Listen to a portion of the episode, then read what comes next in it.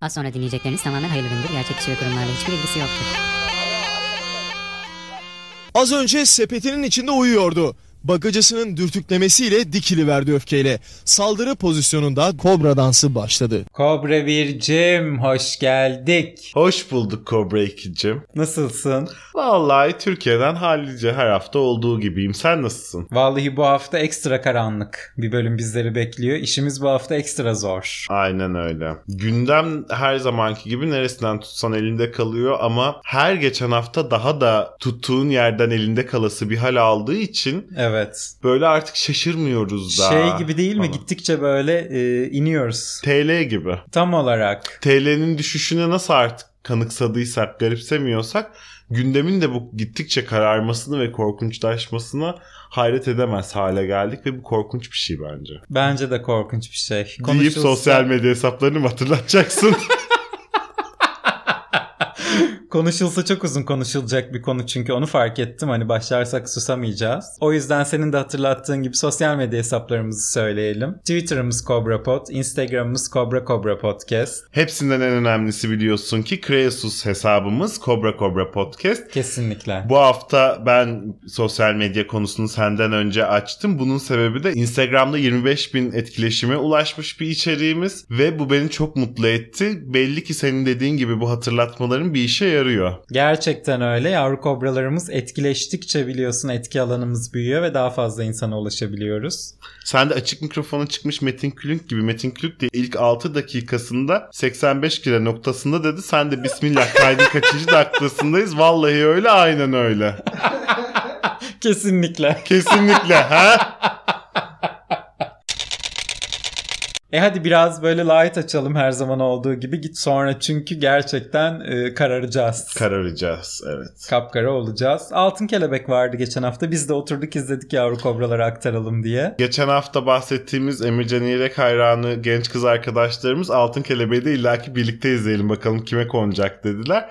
Biz de kırmadık kıymetli arkadaşlarımızı o yüzden izledik Altın Kelebek törenlerini. Ben bir tek Cem Davran'la Çağla Şikel'i tanıdım. bir de Dudu Peri çıktı onu tanıdım o kadar. Ben bir de Bengü'yü tanıdım. Onu tanıyamam çok değişmiş. O artık bir anne. çok zaman geçmiş Bengü'nün üzerinden ben tanıyamadım kendisini. Yani hiç bu kadar mı renksiz olur, bu kadar mı tatsız olur? Yani şimdi Cüneyt Özdemir'in catchphrase'ini kullanmak istemezdim ama gerçekten eğlencesini yitirmiş ülkeyiz şu anda. Ve bu ülkenin tırnak içinde en prestijli, en önemli denen eğlence etkinliğinde de çok net gözler önüne seriliyor aslında. Eğlencemizi ne derece yitirmiş olduğumuz. Bu tören eskiden neydi? Burada Neydi? saatlerce konuştuğumuz zamanlar oldu bu töreni. Aynen öyle. Daha öncesinde de daha neydi asıl ilk zamanlarında? Yani Zeki Mürenlere, Bülent Ersoylara telefonlar açtırıp ona verilmesin ödüller bana verilsin Falan. denilecek bir ödülken bu sene Emel Sayın çıktı diyor ki 19. oldu benim. Hiç evden kalkıp gel manikürlerini yaptırmak zor gelmiş gitmek için yani o kadar. Evden Gerçekten kalkıp gitme öyle. evden kalkıp gitmemiş bile videoyla "Aa, teşekkür ederim bu benim 19. oldu diyor. Bana da bir şeyin 19.sunu verseler ben de kalkıp gitmem almaya yani. Bu arada. Çok çok renksizdi. Ben de hiç tat alamadım.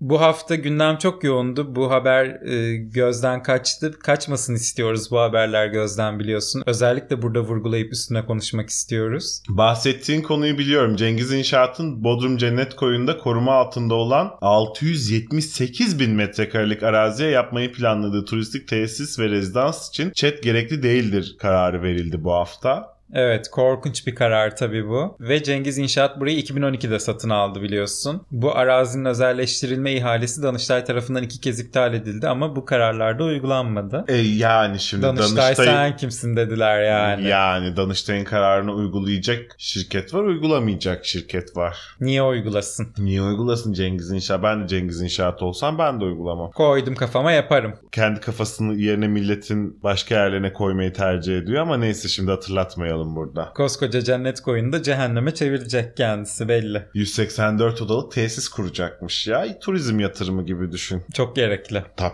Müthiş gerekli. Tabii. Bodrum artık bambaşka. Bambaşka 184 oda daha var Bodrum'da gidip o kalabalığın içinde kalıp suda yüzebileceğiniz.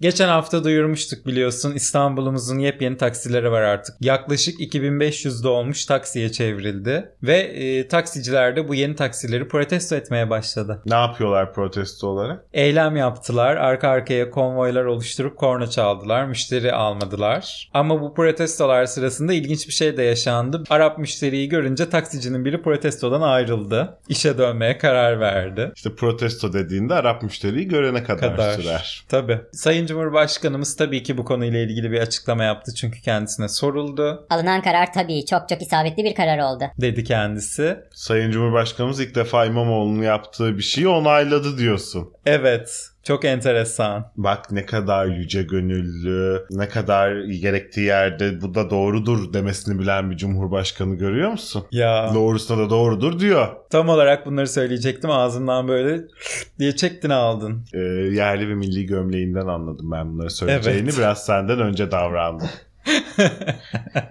ve e, tabii Sayın Cumhurbaşkanımız böyle deyince taksiciler de bu eylemden ve İBB'ye dava açmaktan vazgeçtiler. E yerinde şimdi Cumhurbaşkanımız böyle buyurmuşlar onun lafının üstüne gidip bir de dava açmak ne demek yani? Yani Ekrem Bey'in yaptığı doğrudur demiş Sayın Cumhurbaşkanımız. Onun üzerine artık kimsenin bir şey söylemek haddine değil. Aynen öyle. Taksiciler de farkında dava açsalar bile bir sonuç vermeyeceğini çünkü Sayın Cumhurbaşkanımız kararını vermiş yani. Bu arada.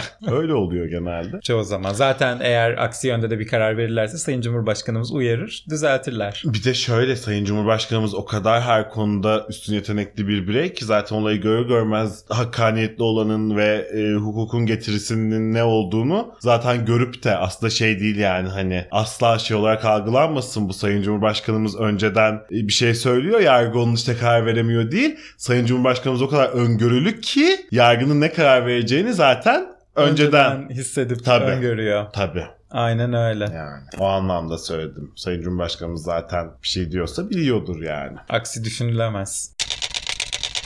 Ek kayıt yapacağız diyorduk geçtiğimiz hafta altılı masanın ekonomi açıklamaları için. Baktık ki öyle ek kayıtlıkta bir şey yok. Yani insanları konferans yapacağız diye bir salona toplamışlar. Nevşin Mengi oturacak yer bile bulamamış bir saat onu anlattı.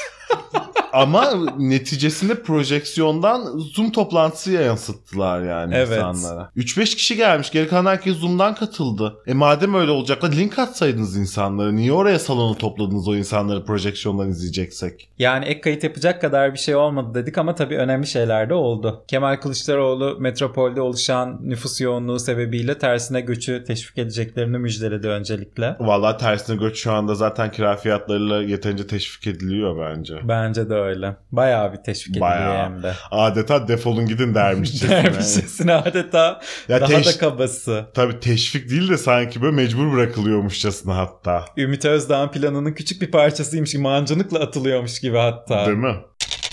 Kapanış konuşmasındaysa altılı masa ve ortak aklın parçası olma vurgusu yaptı Kılıçdaroğlu. Halktan çalınanları halka geri verme sözünde bulundu. Yurt dışından yatırım getirme sözü verdi. İstihdam, iş gücü ve eğitimi tüm ülkeye yayan somut projeler sunduklarını belirtip enerji ve çevreyle ilgili de somut projeleri olduğunu söyledi. Valla tabii orada bütün bu konuşmacıları bir bütün halde dinleyince evet umut vadeci söylemlerdi ve hep Kılıçdaroğlu'nu eleştirdiğimiz geliyor gelmekte olan ha şimdi geldi bak birazdan göstereceğim falan gibi böyle Vaatler. vaatler bu sefer hakikaten altı dolu. İşte bunları böyle yapacağız. Bu kaynakları buradan bulacağız. daha Kayna- geçen hafta kendisine böyle bir eleştiride de bulunmuştuk biliyorsun. Tamam böyle bir sorun var da nasıl çözülecek yok diyorduk. Onların hepsini tek tek anlattı. anlattı. Ekonomi kurmaylarını tanıttı halka. Tabi bunların arasında en çok Deren Acemoğlu dikkat çekti ve gündeme oturdu. Efendim işte kendisinin e, vakti zamanında işte Atatürk dönemiyle ilgili söyledikleri olsun, işte Ermeni olması olsun pek çok e, Affedersiniz. çok, çok affedersin Ermeni olması olsun. Ee, pek çok yerde mevzu bahis edildi ama yani böyle şeylere prim verecek insanlar değiliz bizler. Biz kesinlikle değiliz.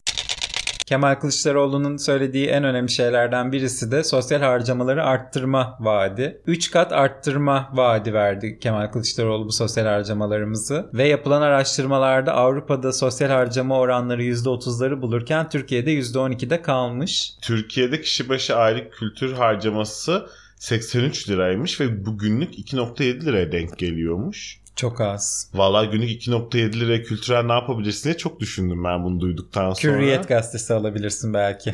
Kültür diyorsun. Kültür sanat. hiç para harcamaksızın bir yere gittin, gördün, geri geldin bile mümkün değil. Hani akbile bile yetmiyor yani.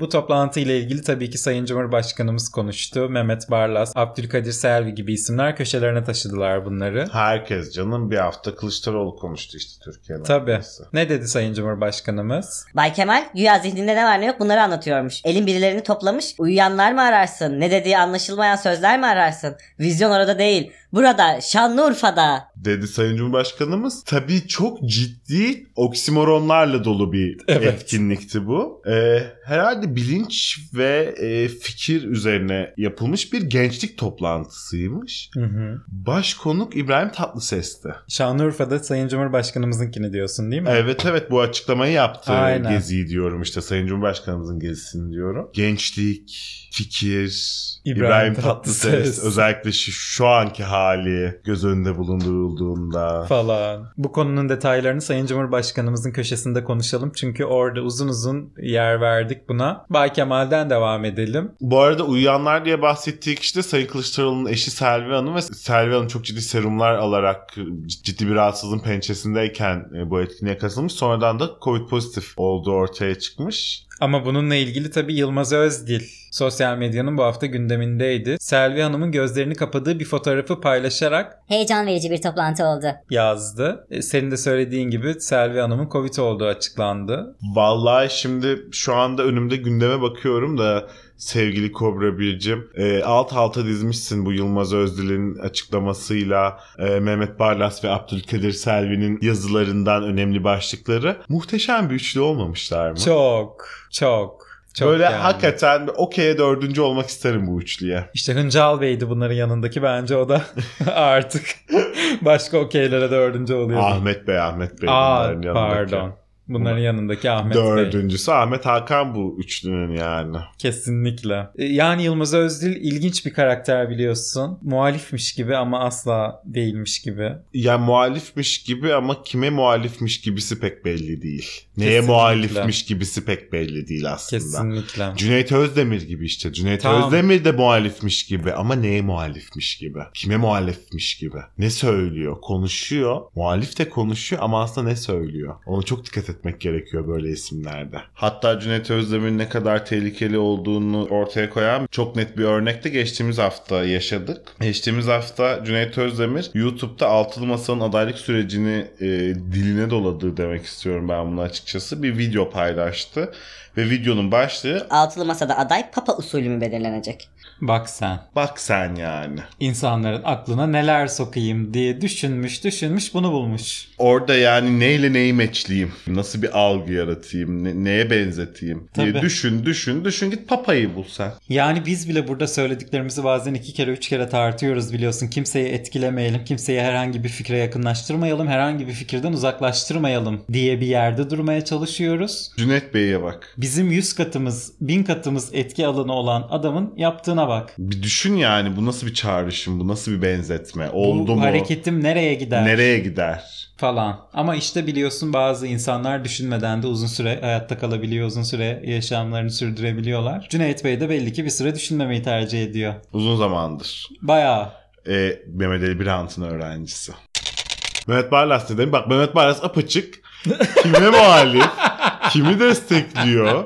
Bu hayattan beklentisi ne? Çok net beyefendinin tek bir beklentisi var bu hayattan. İktidar, iktidar, iktidar. Tam olarak. Ya yaşı gereği bir tek onu istiyor. ABD kayyumları danışman adı altında siyasette belirmeye başladı. İsimleri danışman ama Türkiye'ye gelmeye bile tenezzül etmiyorlar. Bu danışmanlar Türkiye'de olmayacak. Video konferanslarla siyasete müdahale edecekler. Bak benimle aynı görüşte Mehmet Bey. Görüyorsun değil mi? Sonunda Mehmet Barlas'la aynı düşünceleri paylaştın hayatım. Ben de mi bir iktidar kaybı yaşıyorum acaba? Antidepresana başladım diyormuşum sus.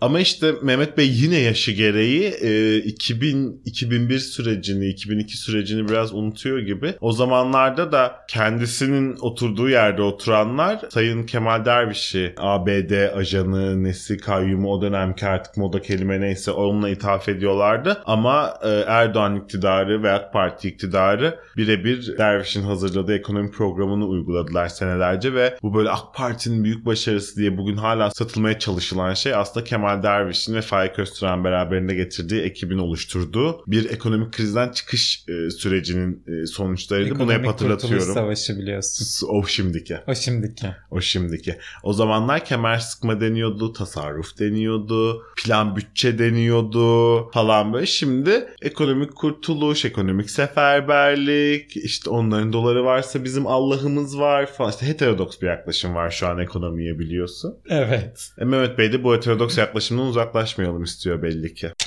Abdülkadir Selvi de Mehmet Bey gibi bu danışmanlarla ilgili yazmış. Jeremy Rifkin'in bu tür sunumlar için günlük ortalama 20 bin dolar ücret aldığı söyleniyor. Artı masraflar. Kılıçdaroğlu ile ne kadara anlaştı orasını bilemiyorum ama aylık 5 sunum yapsa yıllık 1 milyon dolara denk geliyor. diye bu Cem Yılmaz'ın bahsettiği böyle oturduğu yerden salonun kaç para Hmm. getirdiğini hesaplayan seyirci misali bir Hesap yaz- yapmış. E siz de yapın tanesi 20 bin dolardan sunumlar Abdülkadir Selvi Bey kim size yapmayın diyor. o kadar gözünüz kaldıysa buyurun yani. Bunu böyle köşelere taşıyacak kadar, dertlenecek kadar bu konuyla ilgili sanki onun cebinden çıkıyor gibi. Gibiymişçesine. Bir de şöyle artı masraflar ne dediğini beyefendi ne yapayım Zoom'da harcadığı megabaytları Kılıçdaroğlu'na mı ödetti yani? Muhtemelen. Artı masrafı ne anlatabiliyor muyum? Zoom'dan katıldı. Ya. 20 bin konfer hadi.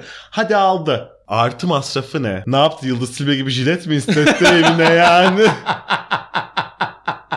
Takım elbise aldırtmış biliyorsun. Tabii. Ayakkabı aldırtmış. Ayakkabı aldırtmış Zoom toplantısı için. E biz öylesine alıştığımız için. Ve e, Kılıçdaroğlu bu hafta masa arkadaşlarını tek tek böyle bir anlatmış. Birer ikişer kelimeyle. Enteresan buldum ben belki üstüne konuşuruz dedim. Meral Hanım merttir. Temel Bey bilgedir, cesurdur. Bak sen. Ahmet Ahmet Bey'in entelektüel birikimi her türlü katkıyı sağlayacak. Şüphesiz. Gültekin Bey'de Menderes ve Demirel'in gençliği var. Eyvah. Eyvah Türkiye'nin başı neyse. Neyse. Oo, o kadar Oo. eskiye gidersek çıkamayız bu işin içinden sus. Ali Bey'in uygulama tecrübe başarısını biliyorum, dünya biliyor. Oo ne biliyor. Neler biliyorlar. Bir Ali Bey bir de söyleseler dünya. Tabii dünya da bilecek. Ali Bey'le Ahmet Bey de çok şey de biliyorlar da yani. Tabii. Kemal Bey de kısa ve yumuşak biliyorsun. Kılıçdaroğlu ile ilgili son haberimizi de verelim ve AKP'lilere geçelim artık Kobra Bircim. Tabii Kılıçdaroğlu'yla yattılar, Kılıçdaroğlu'yla kalktılar demesinler sonra arkamızda. Kesinlikle. Süleyman Soylu'nun Cumhuriyet tarihinin en büyük uyuşturucu operasyonu dediği operasyonda ne oldu da herkes serbest kaldı? diye sordu Kılıçdaroğlu mecliste. Soylu da cevap verdi "İf- İftirasını ispat etmezse Kılıçdaroğlu şerefsizdir dedi. Bak sen. Bak sen. Yok ya Soylu Bey'e yakışıyor böyle laflar. Yakışıyor. Böyle racon kesmek falan. Bin soysuza bir soylu yeter. Aman sayın bakanım sakın istifa etmeyin. Bak atarım kendimi camdan. İstifa etme yoksa atlarım en yakın köprüden. Nilkara İbrahimgil gibi. Ama işte bu e, Ümit Özdağ ile aralarında yaşanınca daha tatlı oluyor. İkisine de çok yakışıyor çünkü. Kemal Bey'le olunca bir tatsızlık durumu hissediyorum ben. Ta- Kemal Bey o, onunla aynı seviyeyi paylaşmıyor. Evet. O konuda ısrarlı ama Ümit Bey'le evet güzel bir frekans tutturuyorlar haklısın yani. Bir araya geldiler mi gerçekten Hacivat Karagöz gibi Tam, oluyorlar. tam. Adeta. Neyse Kılıçdaroğlu da bu olayın üzerine Soylu'ya 5 kuruşluk tazminat davası açtı ve e, Ederini dikkate aldık. dedi avukat bey bu davayı açtıktan sonra. Yapıyordu Kılıçdaroğlu Bey bunu daha önce Evet. de. Bir kuruşluk, üç kuruşluk, beş, Beş kuruşluk, kuruşluk. çok davası var. Var var. Kılıçdaroğlu Bey ama tam tersi 10 bin 15 binlik açıyorlar hep. Ve hepsini ödüyor. Ya kıyamam. vallahi bu Rifkin'e de veriyor bu 20 bin dolarları. Kılıçdaroğlu CHP batar yakında. Batar. Batar. Zaten SSK'yı da batırdı biliyorsun. Şimdi CHP'yi de batıracak. Ve Soylu bu uyuşturucu ile ilgili bir açıklamada bulundu. Amerika'da uyuşturucu kasabaları var. Şırıngalar bedava veriliyor. Bu ülkede uyuşturucu Türkiye'ye girer girmez yakalanıyor. Ve şırıngalarda parayla satılıyor. Bedava hiçbir şey yok artık bizde. Aynen öyle. Öyledir herhalde. Şey konusunda da haklı. Uyuşturucu muhtemelen Türkiye'ye girer girmez yakalanıyor. Havada kapılıyor. O kadar. Bir anda. pıt. Devamını kimse sormasın. Aynen öyle. Yani zaten biz vatandaşlar olarak ancak devlet büyüklerimizin söylediği kadarını bilmekle mükellefiz Zaten fazlasını merak ettiğimizde de Soylu Bey Şerefsiz. diye. Diyor. Evet. E, hiçbirimiz şerefsiz değiliz. Yani öyle bir laf duymak istemediğim için devamında merak etmiyoruz. Soylu Bey Aynen Türkiye'ye öyle. giren bütün uyuşturucuları yakalıyorum diyorsa yakalıyordur. Hadi şimdi Altılı Masa ve Kılıçdaroğlu'nun yanından kalkalım. Yerli ve milli bir tarafa doğru seyredelim istersen. Bakanlarımızdan Adalet Bakanı Bekir Bey ile başlayarak. Devam edelim. Aynen öyle. Demiş ki Bekir Bey, Türkiye'de kim evlilik birliğinin kadın ile erkeğin evlenmesiyle kurulduğu gerçeğini reddedebilir. Gelecekte bu ülkede buna dönük bir tehdidin emareleri gözüktüğü için şimdiden tedbir alıyoruz. Ya şimdiden LGBT'nin önünü kesiyoruz demiş. kesiyorlar ama. İşte MHP'de bu tehlikenin farkına varmış ve bu hafta meclise bir kanun teklifi sunacağını duyurmuş. Tıbbi zorunluluk dışında cinsiyet değişikliğini yasaklayan kanun teklifi hazırlamışlar ve teklifi de önümüzdeki günlerde sunacaklarmış. Eyvah. Böyle de bir teklif hazırlamış MHP. Bu da enteresan. Nereden akılınıza geliyor durup dururken? Bak memleketimizin o kadar hiçbir şey yok ki hayatım. Görüyorsun iktidar partileri nelerle uğraşıyor gerçekten. Ya. Sadece kadın ve erkek evlenebilir. İşte tıbbi zorunluluk dışında cinsiyet değiştirilemez. Ee, ileride buna yönelik bir tehdit görüyoruz. Aman çocuklarımızı koruyoruz. Ailemizi koruyoruz. Bak derdimiz şu an bu bizim. Evet. Başka nerede sorun var görebiliyor musun? Hiç. Yok. Hiç yok. Hiç yok. Hiç yok. Başka hiçbir yerde bir sorun yok gibi. Haklısın. Göksel'in de dediği gibi hiç yok. Ajda'nın dediği gibi bir tık bir tık var.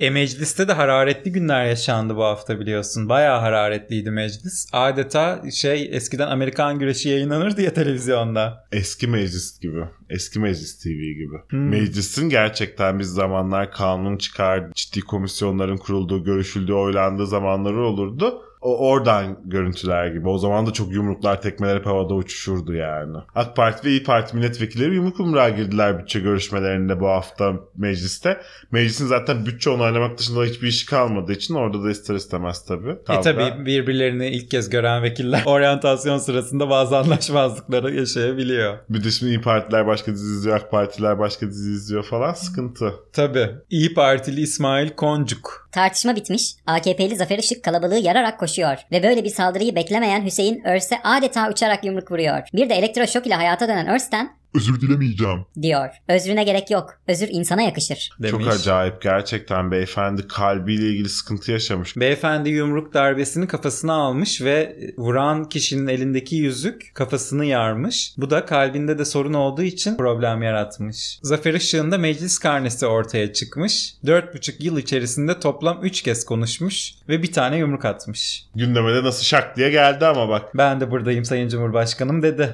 Ama şimdi işte seçim öncesi biliyorsun AK Parti milletvekillerinin ben de buradayım Sayın Cumhurbaşkanım deme zamanı. E Kuluçka'dan çıkma dönemleri AK Partili vekillerin. Tabii tabii şey gibi işte böyle kuşlarmışlar birbirlerine dans ederler falan ya daha onun Evet. gibi yani. Tam olarak. O mevsimleri geldi onların. Seçime 5 kalı hepsi kendilerini Sayın Cumhurbaşkanımıza göstermek için özel performanslar gösteriyorlar.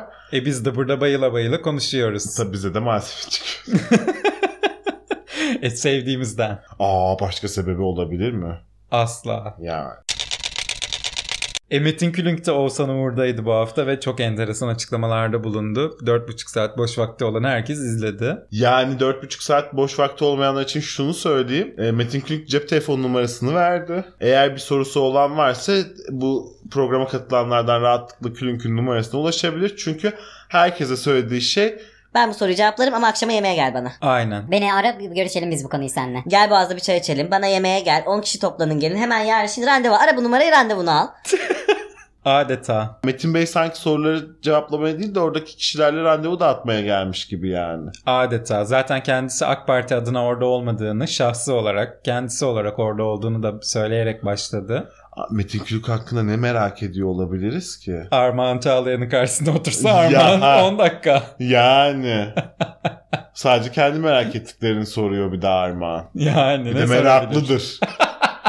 Armağan o salondaki bin kişinin toplamından daha çok meraka sahiptir tek başına yani ama o yüzden dediğim gibi çok merak eden varsa Metin Külünk'ün e, ne anlattığını telefon numarasına ulaşsın Metin Bey arasın yani. Kendisinin bence en enteresan açıklaması Biz öyle bir evrensel insan hakları bildirgesi yazacağız ki diğer ülkeler hayretle bakacak. gibi bir açıklama yaptı. E zaten Metin Külünk'ün e, MKK'sında olduğu partinin bütün insan hakları uygulamalarına şu anda bütün dünya hayretle bakıyor. Kesinlikle öyle. Zaten yazıldı o Metin Bey. Çok uzun bir iş değil yani artık bu saatten sonrası. Yok bir evet yani bir yazıya dökülmesi kaldı. Aynen. Onu da yaparlarsa gerçekten bütün dünyayı yeterli hayrete uğratırlarmış gibi geliyor bana da. Bana da öyle. Mükemmel. Mükemmel.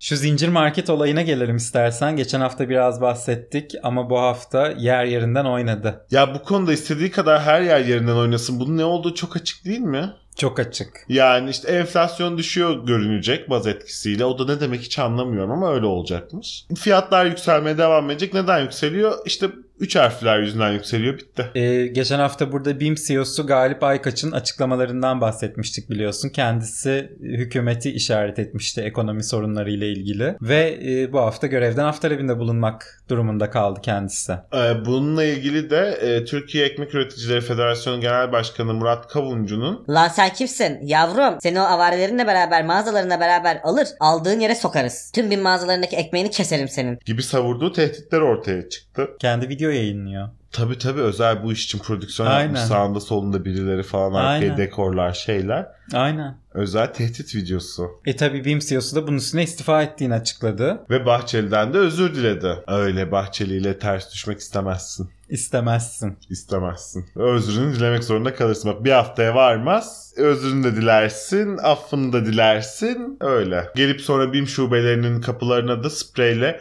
CCC Devlet Baba CCC yazarlar veya küçücük çocukları götürüp BİM kapılarında slogan attırırlar yani. Yani küçücük çocuk söylüyor bu kimse Türk devletine hakaret edemez bo- bozkurtlar ulusun Allah Türk'ü korusun diye. Evet gördüm. Yani Bu 7-8 hafta hepimiz izledik o videoyu. inanılmazdı. İnanılmazdı. E, Abdurrahman Dilipak da kayıtsız kalmamış tabii ki bu zincir market meselesine ve bir yazı yazmış. Günah keçileri üreterek linç kampanyaları ile bu sorunu çözemeyiz. Dostlar alışverişte görsün kabiliğinden piyasaya müdahaleler ve abartılı açıklamalar ne marketlere ne halka ne de siyasilere fayda sağlar. Çok aklı başında, oldukça sağduyulu. Çok güzel yazmış beyefendi. Dilipak hep öyle değil mi? Hep öyle. Niye bu kadar şaşırdın yani? E, arada çünkü bilim kurgu da yazıyor ya. Onu çok net anlıyorsun ama. evet, onun bilim kurgu olduğunu anlıyorsun. Diyorsun ki Abdurrahman Bey uzun bir gece geçirmiş. Saatlerce rüya görmüş. Ve yazısını yetiştirmek durumunda kalmış. Ve bunları bizimle paylaşma ihtiyacı duymuş diyorsun yani. Ama bu gayet aklı başında olanlardan. Ve bu zincir marketlerle ilgili önlemimsi bir şey alındı. Evet, bir anda resmi gazetede yayınlanıverdi. Zincir marketler artık satışta sundukları ürünlere ilişkin verileri Ticaret Bakanlığı'nın sitesine kaydetmek zorundalar. 10 şubeden fazla şubesi olan zincir marketler için geçerliymiş bu. Hayırlı Vallahi olsun. güzel. Aa, Angaryalarla oyalanacak zincir marketler ürün girmekle tek tek. Şey işte iş fırsatı. Tabii. Şimdi bir sürü işçi çalıştıracaklar bunun için ne güzel. Ve e, tabii fiyatlar demişken enflasyona da değinmeden olmaz. Kasım ayı enflasyonu açıklandı. Enak %170, İTO %105, TÜİK %84 açıkladı. Enflasyonumuz düştü. 85'ti geçen ay 84 oldu. Hızlı bir düşüş trendi yaşanmaya başladı enflasyonda. İnşallah aynı böyle trendi devam eder o zaman ne diyelim. Aynen. İnanılmazsın hayatım ya gerçekten. yani bazen böyle şaka mı yapıyorsun, ciddi misin onu da pek anlayamıyorum. Böyle hayretle izliyorum seni yani. Artık o da bizim küçük sırrımız hayatım.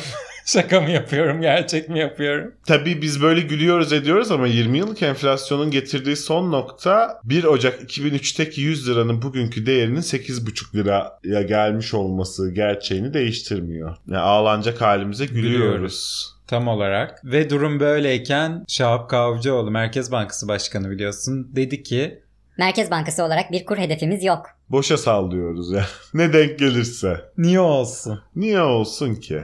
Yani. Hayır bir de hedeflediğin şeyin genelde sonucunu alamıyorsun. O yüzden artık hedef Aynen. koymamak daha mantıklı. En iyisi. Koyup koyup üzülmektense koymamak daha iyi. Aynen öyle. Sayın Nebati'nin de dediği gibi şimdi uyusam 6 ay sonra uyansam keşke.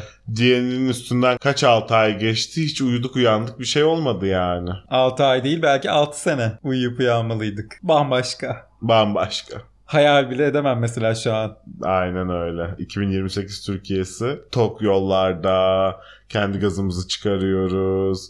İstanbul'da 5. Boğaz açılmış, 8. köprü yapılmış. Çanakkale Boğazı olduğu gibi beton dökülmüş, kapatılmış. Duble o. Duble yol. bir bakıyorsun dünya fiziki haritasına mesela. Ormanlar yeşille, dağlar çorak araziler kahverengiyle, Türkiye griyle gösteriliyor baştan sona.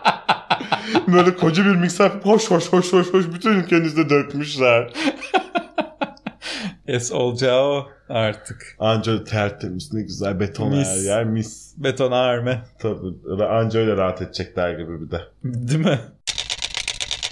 Ağlanacak halimize gülüyoruz dedik. Her şeye zam gelmeye devam ediyor dedik. Peynir fiyatları et fiyatlarını geçti biliyorsun. Bunun üzerine tabii ki yeni akit durur mu? Hemen dedi ki Peynir tüketirken aman dikkat işte peynirin hiç bilinmeyen zararları. hiç bilinmiyorsa sen yeni akit nereden? Rüyasında görmüş Abdurrahman Malum Bey gibi. oldu. Tabii. Ne gibi bir zarar varmış? Gastrit, falan.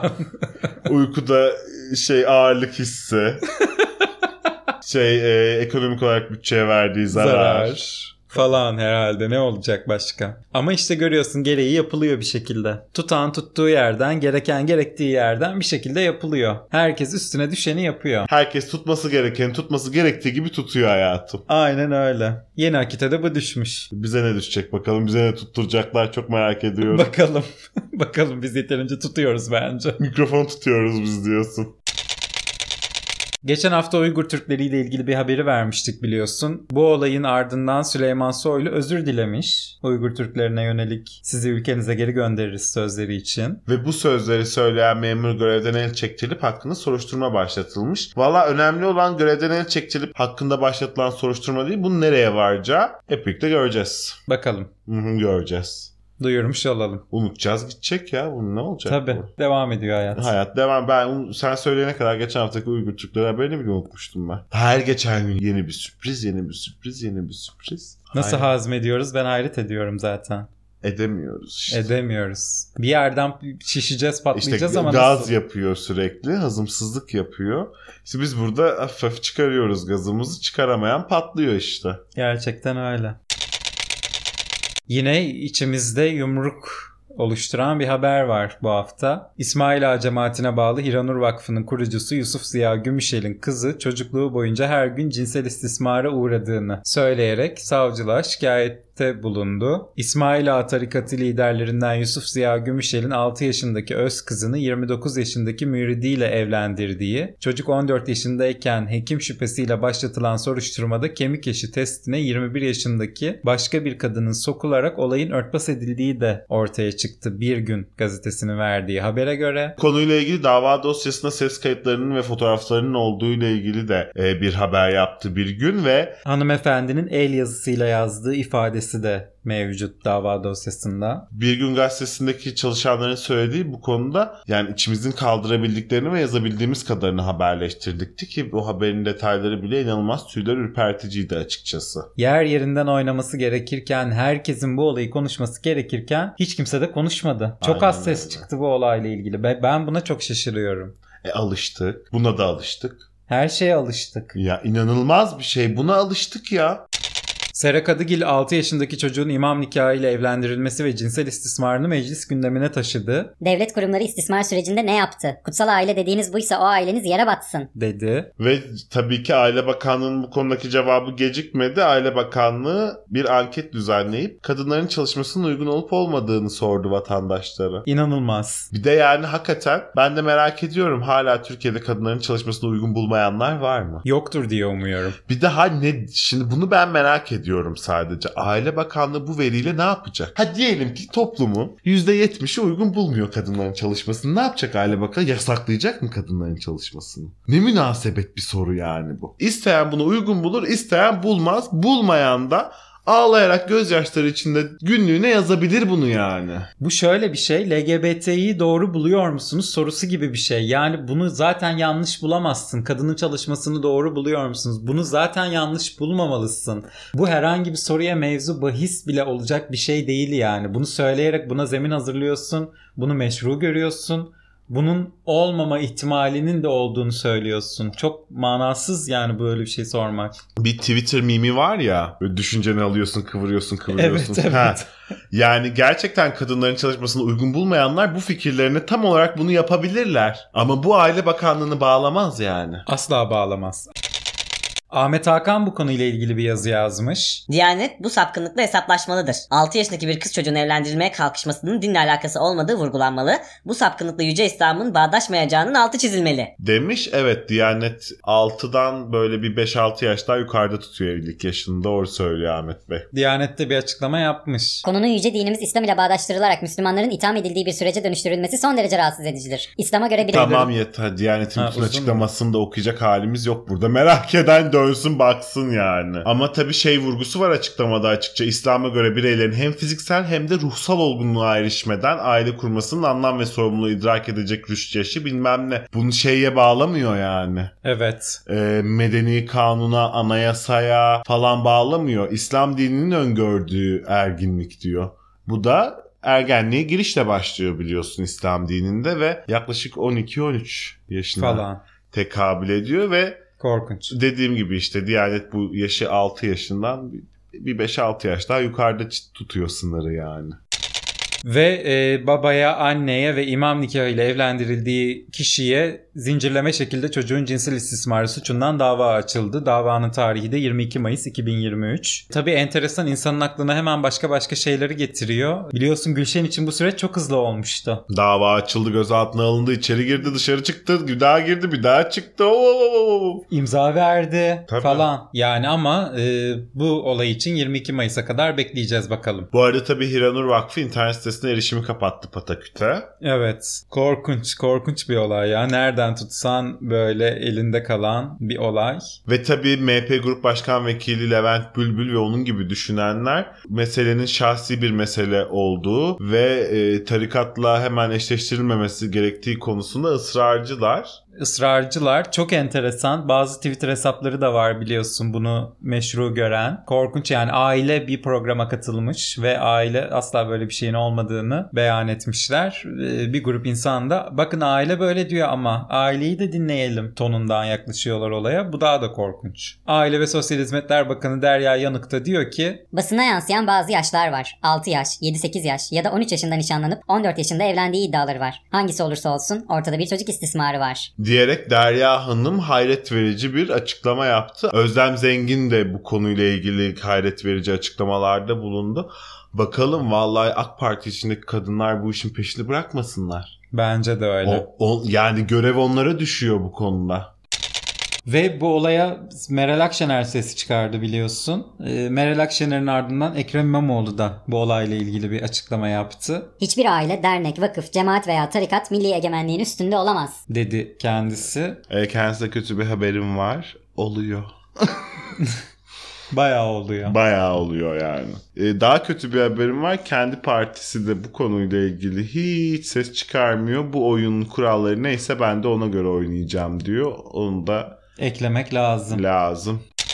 Ben bu tarz konuları konuşmaktan hicap duyuyorum. Bu konuyu böyle bağlamak isterim. Kesinlikle. Yani korkunç bir şey. Bu konuyu konuşurken tabii ki yine formatımız gereği konuyla ilgili yapılan absürt açıklamaları gündemimize aldık ve bunları eleştirdik ama bir yandan dönüp baktığımda bu suçu gerçekleştiren kişiye sadece böyle saatlerce hakaretler ve beddualar etmek istiyorum. Böyle bir şey içinde vakit ayırmaya çok değer görmüyorum o insanı açıkçası. Bilmiyorum iğrenç ya. İğrenç. İğrenç. Yıldız Silve gibi ne söyleyeceğimi bilemedim yani. Bu olayda aslında bir sürü sistemin çöküşüne de birebir şahit oluyorsun. Yani 21 yaşında birinin götürülüp kemik yaşı tespitinin yaptırılması, biri sonuçta bu işlemi yapıyor biliyorsun. Orada bir saçmalık var yani. E, daha önce bir sürü dava açılmış bu konuyla ilgili hepsi kapatılmış bir şekilde. Öyle bir denk geliyor ki işte Nasıl oluyor oluyor? Orada hastanede çalışan biri tanıdık oluyor. Senin tarikattan oluyor. Bizim cemaatten oluyor. Yani cemaatten oluyor. Tabii. Komşu tarikattan oluyor falan böyle. Hani böyle e, ne kadar büyük bir mesele aslında. Evet. Böyle kazıdıkça. altından neler çıkıyor. Ve hala tek yürek, tek ağız bir şey söylememiz gerekirken değil mi? Sus pus. 6 yaşından beri mağdur olan bir kişi var ortada, bir çocuk var. Sus pus. Bunun yanında olmamız, tek yürek, tek ağız olmamız gerekirken ha sus pus olsak gene iyi ama şimdi bu şahsı bağlar. Falan. O ama 13 yaşında daymış da Falan. bilmem işte yok olgunluk da bin hayda. Çok haklısın. Ve şimdi Cumhurbaşkanı köşesine gidelim. Oley! Cumhurbaşkanlığı köşesi. Evet! Böyle de tabii biraz garip oluyor biliyorsun. Bir gülüyoruz, bir ağlıyoruz ama Türkiye gibi işte. Türkiye gibi. Türkiye yapacak gibi bir yer- şey yok.